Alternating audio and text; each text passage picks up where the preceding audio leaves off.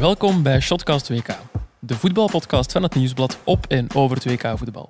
Ik ben voetbaljournalist Janko Beekman en samen met vijf collega's verblijf ik de komende weken in Qatar. Op dag 1 neem ik jullie mee naar de openingswedstrijd Qatar-Ecuador, blik ik vooruit op de eerste echte test voor onze noorderburen en overschouw ik de week van de Rode Duivels. Dat doe ik vandaag met collega Pieter Jan Kalkoen en Ludo van de Wallen.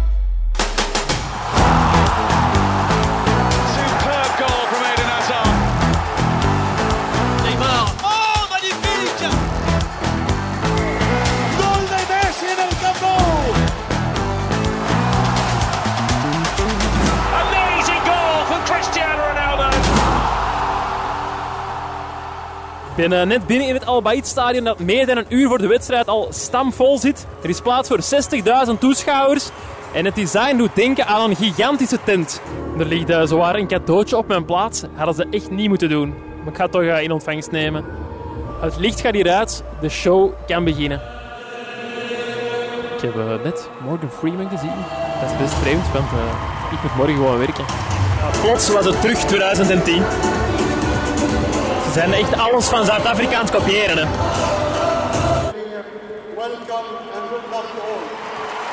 Niet heel veel van verstaan, maar ik denk dat ik wel met uh, Belgium heb gehoord. Ik heb trouwens eh, net mijn uh, goodie bag is geopend. Er zat onder meer een dekentje in. En nogthans valt het hier wel mee met de aircon. Dan toch 0-1 voor Ecuador. Penalty voor de Ecuadoranen, omgezet door Ener Valencia. En daar gaat de VAR niks meer aan veranderen deze keer. Gol voor Ecuador. Vaya number 13. Ener Valencia. Dag Ludo. Dag Janko. Kunt je eens eh, beschrijven voor de mensen die aan het luisteren zijn waar wij op dit moment zitten? Wij zitten in de immense perszaal van het Al Bayt Stadion in eh, Doha, iets buiten Doha. We hebben dus eh, net de openingswedstrijd van het eh, WK bijgewoond. Die eindigde op eh, 0-2 in het voordeel van Ecuador tegen Qatar. Als de mensen dus een beetje achtergrondgeluid horen, dan weten ze meteen waarom. Ludo, de mensen van Ledbrokes die willen weten wat wij moeten onthouden van eh, die openingswedstrijd. Vertel het eens. Ik zal zeggen wat ik zal onthouden, eh, Janko, is dat zoals verwacht Qatar veel te zwak was en die zullen hun drie wedstrijden hier verliezen. Maar wat mij het meest opgevallen is, is eigenlijk in het stadion dat er niet zoveel sfeer was voor een, eh, voor een eh, openingswedstrijd. Is dat toch wel heel opmerkelijk en we hebben het allemaal gezien. Na de rust zijn alle Qatarezen, bijna alle Qatarezen naar huis gegaan, waardoor de wedstrijd is geëindigd in een half leeg stadion. Dat heb ik nog nooit gezien. Nochtans was er ongelooflijk veel volk, want het stadion, was plaats voor 60.000 mensen. En na de wedstrijd riep de stadionspeaker af dat er 67.000 toeschouwers waren. Dus 7.000 meer dan er in het stadion kunnen. En je zegt van, eh, ja, dat er niet zo heel veel sfeer was in, eh, tijdens de wedstrijd. Was me ook al opgevallen tijdens die openingsceremonie. Die optredens, ik werd wel wat opgezweept, ik kwam al in de sfeer. Ik dacht, tof. Maar die Qatarezen, die mannen in die lange witte kleren, die bleven allemaal zo heel, heel rustig zitten eigenlijk. Maar tijdens de wedstrijd was er wel één vak dat voor iets meer sfeer zorgde. Hè? Ja, dat was echt wel opvallend. Hè. Dus zo'n vak van een 1500 mensen, die hebben heel de wedstrijd aan het zingen en aan het springen geweest. Maar je voelde dat daar geen voetbalgevoel bij zat. Want er werden spelers gewisseld. Die jongens die bleven gewoon verder zingen in eh, Europese stadions of in Zuid-Amerikaanse stadions of zelfs Amerikaanse stadions bij vervangingen. Dan wordt er altijd wel geapplaudisseerd of gefloten, maakt niet uit. Maar er is altijd wel een reactie op hetgeen wat er gebeurt op het veld. Die jongens die hadden geen enkele reactie op hetgeen wat er gebeurde op het veld. En dat, dat was heel vreemd. Ja, ik vond het ook inderdaad raar, want nog vrij kort voor de wedstrijd was dat vak volledig leeg. En dan zo tijdens de openingsceremonie werd er ineens gevuld met allemaal mensen in dezelfde kleur, in dezelfde t-shirts. Dus ja, ik zeg niet dat ze fake zijn of dat ze betaald zijn om daar te gaan zitten. Maar het zag er toch heel raar uit, moet ik zeggen. Sportief dan, Ludo. Wat moeten we daarvan onthouden? Ja, ik vond, eh, zoals gezegd, Qatar eh, heeft mij niet verbaasd. Het is, een, is gewoon geen goede ploeg. Dat kan ook niet, eh, een ploeg op zo'n korte tijd bouwen. En ja, Ecuador, dat moeten we nog zien. Want het, het heeft me, het is me wat tegengevallen dat ze in de tweede helft niet hebben geprobeerd de score verder uit te diepen. Want dat kan na, na het toernooi of, of na de groepsfase kan het wel van belang zijn om bij eventueel een gelijk aantal punten eh, de doorslag uit te geven. Hebben ze dat nu bewust gedaan of, eh, of, of, of konden ze niet? Dat is, dat is de vraag, dat moeten we nog afwachten natuurlijk. met omkoping zal het niks te maken hebben. Want voor deze openingswedstrijd deden er eh, ronde dat, dat Qatar, de spelers van Ecuador, of toch een aantal spelers van Ecuador, zou hebben omgekocht om die openingswedstrijd te verliezen. Maar daar zal die uh, mindere score in de tweede helft niks mee te maken hebben. Um, er werd wel vrij vroeg gescoord, na drie minuten om precies te zijn. Maar die goal werd afgekeurd wegens buitenspel. Jij zag op de perstribune meteen dat dat klopte, nietwaar? Ik zag dat niet meteen. Ik heb daarna de, VAR, de VAR-check en dan hebben ze de beelden laten zien. En dan bleek inderdaad dat die man uh, met één been buitenspel sprong. Want hij was eigenlijk in de lucht op het moment dat hij, uh, dat hij werd afgefloten. Dus er was wel iets voor te zeggen. Maar je moet eerlijk zijn, Janko. Wij zaten op de, op de perstribune. Hadden het niet eerste instantie niet gezien. We keken allemaal naar elkaar. En we zeiden het zelfs. Oh, dat gaat hier al beginnen met, met, met dat bevoordelen van Qatar. Maar uiteindelijk bleek het toch wel, uh, bleek het toch wel correct te zijn. Wie er uh, niet echt goed uitzag bij die openingsschool, dat was de doelman van Qatar. Dat was uh, Saad Al-Sheikh. Die had een uh, very saad dagje. Mag ik dat wel zeggen, hè? Uh, veel spelers van Qatar hadden een saad dagje, want die spelen ook allemaal bij Al Saad. Klopt, de doelman inderdaad ook. Maar uh, ook bij de, bij de 1-0 die er, nee, 0-1 die er wel effectief kwam, de, de strafschop op uh, Ener Valencia. Dat was ook hij die in de fout ging, kreeg er ook een gele kaart voor. De tweede helft was er ook, uh, waren er een paar fases dat hij moest uitvoetballen, dat hij de bal gewoon buiten trapte. Werd zelfs uitgefloten door de weinige Qatarezen die wel nog in het stadion zaten. Ik denk niet dat hij goed gaat slapen de komende dagen. Wie beter gaat slapen, dat is Ener Valencia, man van de wedstrijd. Vond je van, van zijn match? Ja, absoluut. Hij heeft een hele goede wedstrijd gespeeld. Is dan wel vervangen en was een beetje geblesseerd, dacht ik. Dus dat is nu afwachten hoe dat, dat verder loopt. Maar ja, dat is, een, dat is een goede speler. Hè. We kennen die als concurrent van Michi Batshuayi bij Fenerbahce. Dus, en ja, misschien heeft hij nog wel sterke verhalen. Ja, klopt. Hij, heeft, uh, hij speelde Fenerbahce, heeft er al uh, 13 keer gescoord in 12 wedstrijden. Dat is uh, meer dan Batshuayi zelf. Um, en hij is ook recordtopscorer bij, bij Ecuador. Hij is 33 intussen, speelt al jaren voor die nationale ploeg. Was er ook al bij op het WK 2014. Toen scoorde hij drie keer tijdens de poolfase, maar ging Ecuador niet door. Misschien verbreekt hij zijn record wel op dit WK. En omdat je nu toch over uh, goede verhalen spreekt, ik ben uh, tijdens een wedstrijd eens gaan opzoeken van, zijn er zo dingen te vertellen over de man? En wel wat eigenlijk, moet ik zeggen. Ooit uh, is zijn, ja, zijn sterrenstatus hem vrij duur te staan, komen te staan, omdat zijn zus in Ecuador ooit ontvoerd is. Tien dagen lang in ruil voor, voor losgeld, helaas. Maar zelf is hij ook geen onbeschreven blad. Hij heeft ooit, ik denk in de kwalificatiecampagne voor het WK 2018, tijdens een interland Ecuador-Chili, is hij, heeft hij een blessure geveinsd tijdens een wedstrijd om na de match met een ambulance het stadion te kunnen verlaten. Waarom wilde hij dat doen? Omdat hij nog alimentatie moest aan zijn vrouw die hij niet betaald had en de politie hem wilde oppakken. En zo heeft hij dat proberen omzeilen. Is er iets dat jij ook ooit uh, zou doen, Ludo?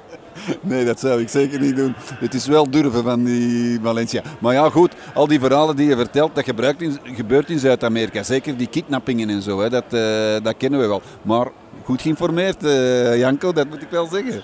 Dat heb ik kunnen opzoeken tijdens de wedstrijd. Zegt ook wel iets over een tweede helft van Qatar-Ecuador. Ondertussen zitten Ener Valencia achter ons klaar voor zijn persconferentie. Dus gaan wij rustig over naar het volgende. U hoort het, dat het uh, ondertussen een pak stiller is geworden. Dat is geen toeval, want we zitten ondertussen in onze eigen Casa Qatar, het huis waar we met zes mediahuisjournalisten verblijven. Als u hier en daar een achtergrondgeluid hoort, dan weet u bij deze waarom. Wie u zeker zult horen, dat is Pieter Jan Kalkoen, want die is er komen bijzitten. Hoe bevalt uh, Qatar voorlopig? Ja, ik ben hier sinds donderdag, dus al wel een paar dagen. En uh, voorlopig heb ik uh, niks te klagen eigenlijk. Alles gaat vrij vlot. Niet te warm? Zeer warm. S'avonds laat, af en toe een trui kan toch handig zijn. Dus ik ben toch blij dat ik er een paar bij heb. We gaan het in elke aflevering hebben over de Dag van de Duivels. Vandaag gaan we nog streffer doen en bespreken we zelfs de Week van de Duivels. Ludo, wij zijn uh, samen naar Kuwait geweest, waar de Duivels vrijdagavond nog een oefenwedstrijd hebben gespeeld tegen Egypte. Wat hebben we geleerd uit die oefenwedstrijd? Ja, eigenlijk uh, toch redelijk veel. En ik vond vooral de gelatenheid van de Rode Duivels een beetje tegenvallen. Mm -hmm. En ja, ik weet niet of dat, dat op vijf dagen zomaar kan worden omgedraaid door uh, de bondscoach. Want de bondscoach was, was, was boos, hè, zo kennen we hem eigenlijk niet. Maar uh, ja, het is toch een, iets wat in die groep is geslopen. En ja, wat toch niet uh, tot uh, veel optimisme stelt. Maar goed, het kan allemaal veranderen. Het is een toernooi, je weet nooit wat er kan gebeuren. En voor de rest eh, denk ik dat Kuwait niet echt een meevaller was. Vooral dan logistiek niet.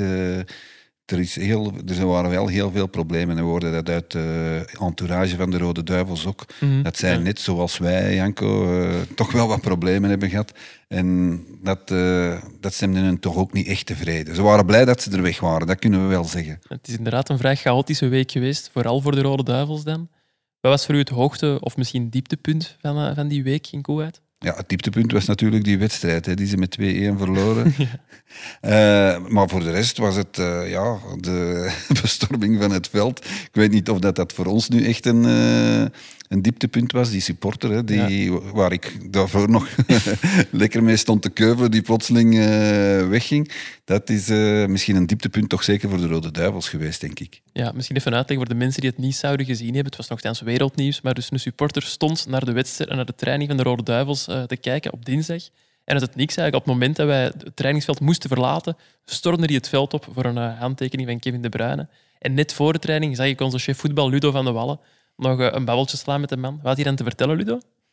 Ja, het ging over het feit dat De Bruyne zo'n goede speler is, dat hij eh, supporter is van, eh, van België en dat hij ook, alleen vooral zijn vader dan, mee verantwoordelijk is voor de bouw van dat stadionnetje waar dat we toen zijn geweest. Dat, Ah, eh, daar was hij wel heel, heel trots op. En hij zegt dat hij ook ooit heeft gevoetbald in eerste klasse bij, in Kuwait. Maar ik denk, Janko, dat dat mij, Pieter Jan en, eh, en jezelf misschien, dat weet ik nu niet, eh, ook wel was gelukt, denk ik, in eerste klasse voetballen. Ik denk niet dat het niveau zo hoog is eh, Bij in Pieter. Jan geloof ik dat, over mezelf ga ik dat niet zeggen. Ondertussen horen de mensen misschien gezoem in de achtergrond. Dat wil zeggen dat Bart Laga op dit moment een douche aan het nemen is. Dat, Of is, gewoon de grote boodschap, dat kan ook. dat zou kunnen, dat wou ik niet zeggen op antenne, maar bij deze. Ehm, woensdag spelen de Rode Duivels hun eerste wedstrijd op dit WK. Ze doen dat tegen Canada woensdagavond. Er zijn wel een paar hete hangijzers voor die wedstrijd. Zeker na die oefenwedstrijd tegen Egypte. Ik ga jullie een paar dilemma's voorschotelen. Ehm, Pieter Jan, je mocht gerust meedoen. Jullie eh, mogen één van de twee kiezen. De donker of de bast? Ik zeg de donker. Ja? En waarom? Heeft eh, de bast u zo teleurgesteld in de wedstrijd tegen Egypte? Nee, maar bij de laatste Interlands waar de donker centraal achterin stond, vonden we hem net een revelatie. Dat is al En lang heb- geleden. Want hij Ja, het is lang geleden en ik heb nooit goed begrepen waarom hij dan zo uit de ploeg is beland. Hij zelf heeft dat trouwens ook niet echt begrepen. Maar ik weet niet of hij zal spelen, want hij is echt wel naar het achterplan beland. Maar mij zou hij de veilige, logische keuze lijken. Zelfs niet mogen invallen hè, tegen Egypte. Vond ik wel opvallend. Nee, en ook in die laatste Interlands, toen de Bas twee keer mocht, 90 minuten mocht meedoen, zat hij de tweede Interland zelfs niet op de tribune. Dus ik denk dat eh, Roberto Martinez nog meer een middenvelder in hem ziet dan een verdediger. Maar ja, en als ik dan ook ineens het bruggetje mag maken en mijn antwoord mag geven, ik zou nu op dit moment toch ook wel voor de donker gaan. Over naar het middenveld. Excel Witzel lijkt er, is daar incontournabele. Maar daarnaast Tielemans of Onana. Of Van Aken. Van Aken is, heeft de wedstrijd tegen Egypte mogen beginnen. Mhm. Niet overtuigend. Zou me verbazen moest hij nu opnieuw een kans krijgen tegen Canada. Eh Tielemans of Onana. Ik zou toch kiezen voor Onana, eerlijk gezegd. Eh, Een beetje evenwicht. We hebben heel veel goede voetballers in de ploeg. Die voetballen, hè, die met de bal overweg kunnen. Maar ik zou toch wel voor het evenwicht toch ook sowieso een hebben die er af en toe eens in rommelt. Eh, Een zoals, beetje we vroeg- power, echt. Ja. zoals we vroeger Fellaini hadden. Hè, die op bepaalde momenten, als het wat, eh, wat moeilijk wordt allemaal, dat hij dan toch eh, even het voortouw neemt. Zij het met gevechtsvoetbal, maar dat dat dan toch wel belangrijk is. En Onana is echt wel zo'n type. Onana, Pieter Jan, jij kent die vrij goed. Je hebt die al een paar keer gesproken. Ik ken die... Ik heb die al een paar keer gesproken, ja. Eh, ik ken de zus ook vrij goed, zijn makelaar. Ja. Ja, dat is uitzonderlijk. Ja, dat hoort je niet zo vaak. hè. De zus die makelaar is van een speler.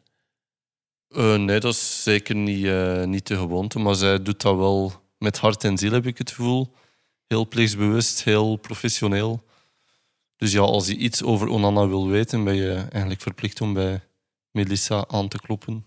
Het is wel ook een... Allee, we hebben nu samen op het vliegtuig gezeten met de Rode Duivels eh, naar Kuwait en van Kuwait naar Qatar. Het is wel een verschijning, die Onana. Het is echt wel een beer. Hij is ook model geweest, als ik mij niet vergis. Hij is ook heel, eh, heel goed opgevoed. In welke zin? dan?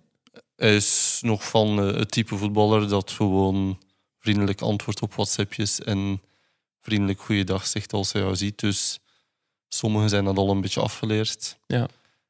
Hij niet. En hij is ook gewoon perfect, volgens mij viertalig zelfs. Praat Frans, Nederlands, Engels, Duits. Waarschijnlijk nog een Afrikaanse taal ook. Dus het is echt wel een verstandige, sympathieke kerel. En hij kan zingen ook, want hij heeft ooit een eh, eigen nummer opgenomen. Ja, hij is ook heel muzikaal aangelegd, maar ik ben nu niet echt goed geplaatst om daar Over de een oordeel. waarde oordeel over te uiten. Dus. Maar hij is er wel mee bezig. Laten we dat vooral niet doen dan. Ehm, voorin, Hazard of Trossard? Sowieso Trossard. Sowieso. Daarna de wedstrijd tegen Egypte volledig van overtuigd. Ik ben al... Wanneer hebben wij die ja-nee in de krant gedaan, Ludo? Dat was voor de wedstrijd tegen Nederland, dacht ik. Ik ben volgens mij al maanden overtuigd dat het echt wel aan Trossard is. Eden raakt zelfs zijn man niet meer voorbij. Wat brengt hij vandaag bij? Rust aan de bal. Tja. Pieter Jan gaan we niet overtuigen, vrees ik. Want jij waart in onze grote voorbeschouwing op de Rode Duivels op het WK de last man standing, heb je toen zelf gezegd. Jij zou Eden Hazard wel aan het toernooi laten beginnen, of op zijn minst aan die oefenwedstrijd tegen Egypte. Wat ik eigenlijk had gezegd was, laat hem tegen Egypte zeker beginnen Mhm, om ja. te zien hoe ver hij staat. En ik moet zeggen, alhoewel dat iedereen kritiek heeft op hem, hij heeft mij toch niet echt eh, ontgoocheld. Goed, het is niet meer de Eden Hazard van vroeger, maar hij heeft me niet ontgoocheld. Hij brengt toch rust aan de bal en zal toch wel af en toe nog wel eens een flits hebben. Je moet ook weten, hij speelt amper bij Real Madrid. Dus Laat, laat hem toch groeien. En ik zou hem nu, op basis van wat ik heb gezien tegen Egypte, en dat zal ook weer veel mensen verbazen, zou ik hem toch weer eh, in de basis zetten. Om, om te kijken waar hij staat. En dan kan Trossard invallen. Als Trossard, want iedereen denkt nu dat Trossard een ongelooflijk goede speler is. Hij zit hier goed in vorm, maar nu lijkt het alsof dat Trossard wel de Hazard van vroeger zal worden. Dat is ook niet zo. En als dan Hazard moet invallen voor Trossard, dan gaat het nooit zo goed zijn als dat Trossard moet invallen voor Hazard. Ja, het is allemaal zijn heel veel aars in één zin, moet ik zeggen. zijn heel veel Ik aard vind-. Ik hoop dat iedereen het begrijpt wat ik wil zeggen. Maar dat denk ik. En laten we nu toch, toch nog eens tegen Canada beginnen. En als het dan niets is, laten we er dan mee, mee stoppen. Ja. Ja.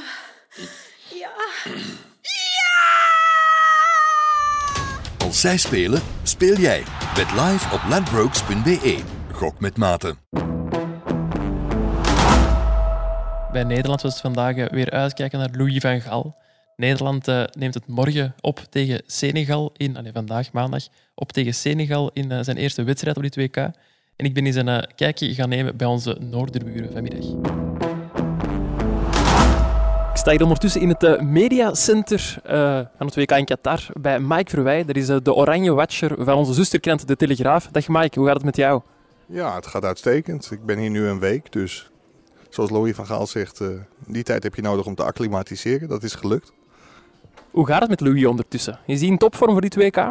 Louis van Gaal is altijd in topvorm. Mooie uitspraken. En hij, eh, ja, hij is aan het imagineren zoals hij, al, al- zoals hij van zijn spelers eist en zelf ook doet. Dus hij, eh, hij is ervan overtuigd dat Nederland wereldkampioen kan worden. Imagineren, dat kennen wij niet in België. Wat houdt dat eigenlijk juist in? Nou, dat kenden wij ook niet zo goed. Alleen Louis heeft dat, eh, heeft dat uitgelegd. Hij wil dat de spelers de wedstrijd al in hun hoofd spelen en ook met het toernooi bezig zijn. Dus nadenken over wat ze kunnen verwachten. Dus heel nadrukkelijk met de wedstrijden en het toernooi bezig zijn. Met eh, Noah Lang en Vincent Janssen zitten er twee halve Belgen in de, de kern van Oranje. Mogen we iemand van die twee aan de aftrap verwachten morgen tegen Senegal? Ja, Noah Lang zeker niet. Dat is eh, voor ons ook wel verrassend dat hij toch bij de selectie zat. Omdat hij bij club natuurlijk niet heel veel, eh, heel veel speelde.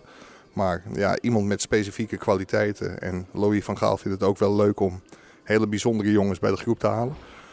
En we denken wel dat Vincent Jansen eh, gaat spelen. Memphis Depay die raakte geblesseerd in de wedstrijd tegen Polen. Nations League wedstrijd. Had lang nodig bij Barcelona om fit te geraken. Is eigenlijk niet gelukt tijdens de competitie.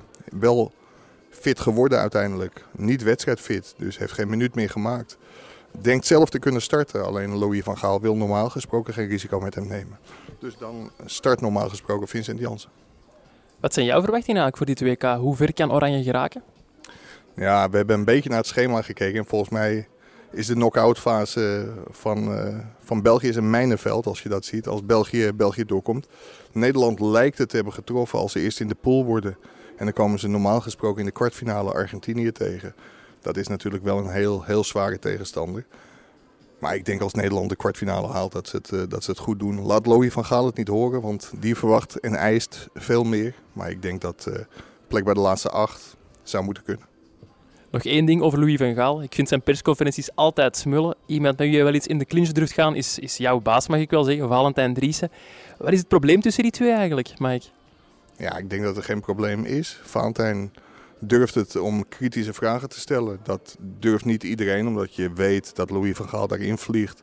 En Louis van Gaal vindt het ook wel leuk. Het is ook een beetje trainers eigen om een gemeenschappelijke vijand te creëren. En aan zijn spelers kan hij dan laten zien van kijk eens, we worden weer negatief benaderd.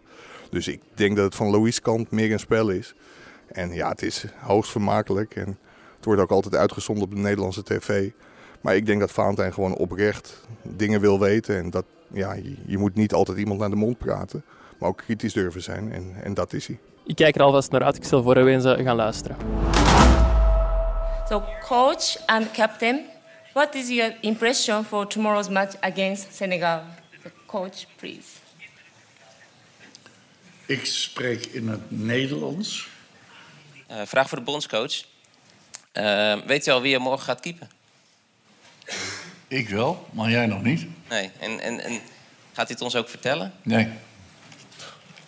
Wat is daar de, de, afweging achter? Omdat u de tegenstander niet wijzer wil Ik maken? geef nooit de opstelling prijs. Was het wel een moeilijk, moeilijke, moeilijk besluit? Nee. Waarom niet? Is het- Omdat ik eh, redelijk overtuigd ben van mijn keuze. Het zou slecht zijn als dat eh, anders was. Oké. Wij zijn met een eh, in mijn ogen mindere spelersgroep eh, in 2014 eh, derde geworden. En eh, met deze groep verwacht ik eigenlijk meer. Kan jij mij helpen wat de laatste vraag was? Memphis, en, maar Memphis heeft een nummertje uitgebracht op de dag dat de selectie bekend is gemaakt. Daar luister ik niet naar. Dat is niet mijn muziek. Zo, zelf een eh, vraag stellen aan Louis van Gaal zat er deze keer helaas niet in. Ik heb wel geleerd dat eh, Andries Noppert wellicht als eerste keeper aan het toernooi begint. Zal ook zijn eerste Interland spelen. Dat Vincent Janssen de vervanger van Memphis Depay wordt. En dat Louis van Gaal geen fan is van de rapnummers van Memphis Depay. Deze rubriek hebben we vooral voor de woordspeling in het leven geroepen, maar ook om een antwoord te bieden op elke vraag of elke bedenking die u heeft. Dit is Qatar nog niet aan gedacht. Om eh, deze rubriek af te trappen, stellen we onszelf de vraag hoe vier journalisten van het Nieuwsblad, eentje van de Standaard en nog eentje van het Belang van Limburg aan co-housing doen in Qatar tijdens het WK. Pieter Jan, jij bent hier eh, samen met collega Jurgen Geril als eerste aangekomen in Qatar. Vertel eens, wat moeten de mensen weten over onze stoelpje? Het is zeer eh, groot, zeer netjes. Maar Eh, het was alleszins zeer netjes tot, tot we hier met zes waren natuurlijk. Ja, maar ook dan vind ik dat we met z'n allen het wel proper houden voorlopig. Dus eh, ja, ik ben er zeer enthousiast over. Elke kamer, dus ja, er zijn vijf kamers. Dat is misschien een belangrijk wist je datje. Dat is vooral een belangrijk wistje datje voor, eh, voor mezelf. Hè, ja. Ja. Er zijn dus zes mensen in het huis, eh, vijf kamers. De mensen mogen zelf ja, de som maken. Iemand heeft dus geen kamer en iemand, dat ben ik geworden. en wat is de oplossing geworden, Pieter Jan? Vertel maar. Ja, er zijn bepaalde kamers die zo groot zijn dat er twee bedden staan. En eentje daarvan, En is, dus- het- is die van Pieter Jan? Ja, nee, maar mijn kamer is eigenlijk niet super groot, maar goed. Er staan wel twee bedden, Pieter Er staan wel twee, twee bedden.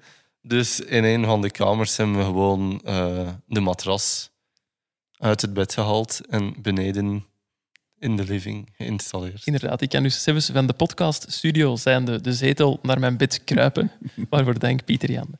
We kwamen hier vrijdagavond aan, na, na de vlucht vanuit, eh, vanuit Kuwait.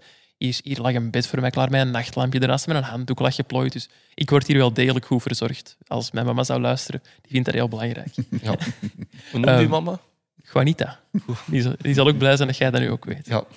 Ehm, die heeft Spaanse roots trouwens. Dus als het met de Rode Duivels niks wordt, kunnen we nog voor, eh, voor Spanje supporteren. Goed, als er nog mensen een vraag hebben voor, eh, voor deze rubriek, stuur ze gerust door op Twitter, Instagram of naar shotcast.nieuwsblad.be. En dan gaan wij ondertussen door naar onze afsluiter. Mannen, wat staat er eh, voor jullie op de planning deze maandag? Ja, er is opnieuw een persconferentie in het Hotel van de Rode Duivels. We weten nog niet wie er komt. Maar het is altijd een stevige trip. Wij zitten in Doha, de Rode Duivels, nabij de Saoedische grens aan de Perzische Golf. In Abu Samra. Abu Samra, ja. Ja, in het eh, Salwa... Nee, Salwa, Hilton Salwa on the beach. Resort, ja. resort, zoiets. een lange naam. Ja. Eh, en dat is toch al, al snel een goede 100 kilometer rijden, dus heen en terug. Daar eh, een trainingje mee pikken, een kwartiertje, dan wachten tot de persconferenties binnen. Ja, neemt wel wat tijd in beslag. eh, dus daar zijn we al eventjes zoet mee. Ja, voor de Duivels zelf ook geen evidente keuze eigenlijk om daar te gaan zitten. Want denk 22 van de, nee, 28 van de andere landen zitten in Doha zelf, waar ook bijna alle wedstrijden worden gespeeld. Alleen Duitsland zit nog verder van Doha dan eh, de Rode Duivels. Dus ja, dat wil zeggen dat ze ja, op wedstrijddagen meestal een vrij verre verplaatsing moeten doen, moeten doen. Maar ook de dag voor de wedstrijd is er een persconferentie in Doha van de bondscoach en één speler. Ja, die moeten dan ook drie uur in de auto zitten. Vind ik Ja. een bizarre keuze. Ja, redelijk eh, ongelukkig vind ik eh, dat ze die keuze hebben gemaakt. Het zal misschien een van de redenen zijn waarom het achteraf bekeken niet zo goed is gegaan. Je weet het niet, we hopen dat het goed gaat, maar ik ben zeker dat dat een van de redenen zal zijn die worden aangehaald als het niet, eh, niet loopt zoals wij allemaal eh, verwachten. Nu, het is wel een chic hotel. Ik ben er geweest. Ja. Chiquer dan onze villa, kunnen we wel zeggen. Ja, nipt. Maar ehm, nee, het is wel echt een heel mooi, een heel mooi hotel. Met alle nodige faciliteiten. En Zwembaden. Ja, ik denk niet dat het aan luxe zal ontbreken, maar het is inderdaad zo dat ze een beetje praktisch op een, op een ongelukkige plek zitten wel. En ze hebben zelfs eh, een eh, golfsimulator laten installeren in het hotel. Heb je Ja. ook een balletje mogen slaan? Nee, heb ik nog nooit gedaan. Er is ook een waterpark. Oh, leuk. Dat heb je wel al gedaan, wellicht. Nee, dus iemand van het hotel had ons gezegd om het eens te testen. En dan reclame te maken in België. Maar goed, wij zijn heel deontologische jongens. Wij zijn niet op dat aanbod ingegaan. Hoewel het er zeer aantrekkelijk uitzag. We kunnen altijd nog eens terugkomen na het WK. Of zo. Voilà. Ja. Luro, ga jij ook eh, naar de training van de Duivels vandaag? Ja, ik ga ook naar de training van de Duivels eh, vandaag. Wegens omstandigheden zal het maar de eerste keer zijn, omdat ik de openingswedstrijd heb gedaan. Eh, en ja, ik ben eens benieuwd of dat al het eh, positieve dat Pieter Jan daarover vertelt, dat dat, eh, dat, dat klopt. Ja. En ik ben ook van plan om eens een verhaal te maken over Roberto Martinez, wat er voor hem op die 2K op het, op het spel staat. Oké, iets om eh, naar uit te kijken in de krant en op de website van het Nieuwsblad, waar u eh, het volledige WK ook kan volgen in de live van het Nieuwsblad. Dan eh, was dit het voor vandaag. Ik ga er voor de volledigheid ook nog het programma van maandag bijnemen. Om vier uur Qatarese tijd, dus dat is om eh, twee uur in België, staat Engeland-Iran op het programma. Om vijf uur Belgische tijd Senegal-Nederland, de wedstrijd waar ik zelf naartoe ga. En als afsluiter om acht uur Belgische tijd de Verenigde Staten tegen Wales. Dan eh, zijn wij volledig rond. Ga ik jullie bedanken, mannen. Ik ga ook de mensen van Ledbrokes bedanken om er voor ons te zijn. Morgen vroeg zijn we er al terug met een nieuwe Shotcast WK. Tot dan.